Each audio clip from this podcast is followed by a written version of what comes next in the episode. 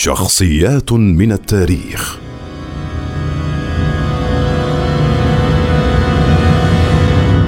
صلاح الدين الأيوبي. هو الملك الناصر صلاح الدين يوسف بن أيوب بن شاد بن مروان قائد مسلم كبير من العصور الوسطى. ولد سنة 1137 في تكريت العراق. وهو من أصول كردية.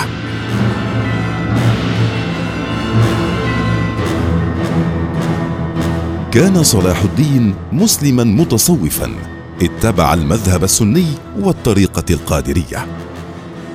ويقول البعض إنه كان أشعريا وإنه كان يصحب علماء الصوفية الأشاعرة لأخذ الرأي والمشورة.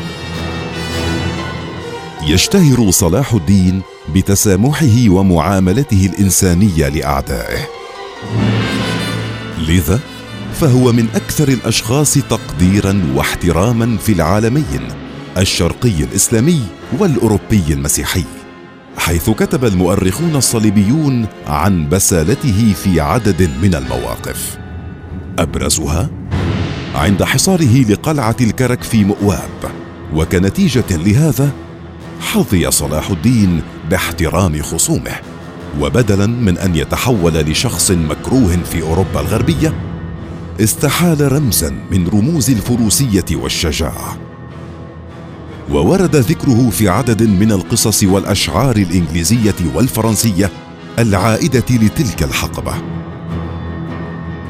وحد مصر والشام في مواجهة الصليبيين وحاربهم. وانتصر عليهم في معركة ضخمة. عرفت باسم معركة حطين سنة 1187 فأعاد القدس للمسلمين بعدما حكمها الصليبيون لمدة تسعين سنة.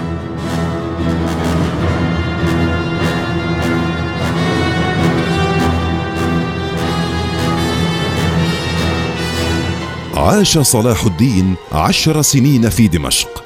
في بلاط نور الدين محمود واشترك مع عمه أسد الدين. شارك في حملات نور الدين محمود على مصر في عهد الخليفة العاضد الفاطمي. فأضحى وزيرة بعد وفاة عمه. لمع صلاح الدين وتشدد مركزه في مصر. فعمد إلى إزالة ذكر اسم الخليفة العاضد من خطبة الجمعة. وقضى على الخلافة الفاطمية في مصر سنة 1171 وأعلن استقلاله بعد وفاة نور الدين محمود سنة 1174 ونصب نفسه سلطانا على مصر وضم إليه دمشق وحمص وحماة وحلب. بعد معركة حطين شن الصليبيون حملتهم الثالثة. واستولوا على عكا. فهزموا صلاح الدين في معركة أرسوف سنة 1191 انتهت الحملة بعدما عمل صلح الرملة مع ريكاردو قلب الأسد ملك إنجلترا الذي أتاح للمسيحيين اللاتين زيارة القدس للحج.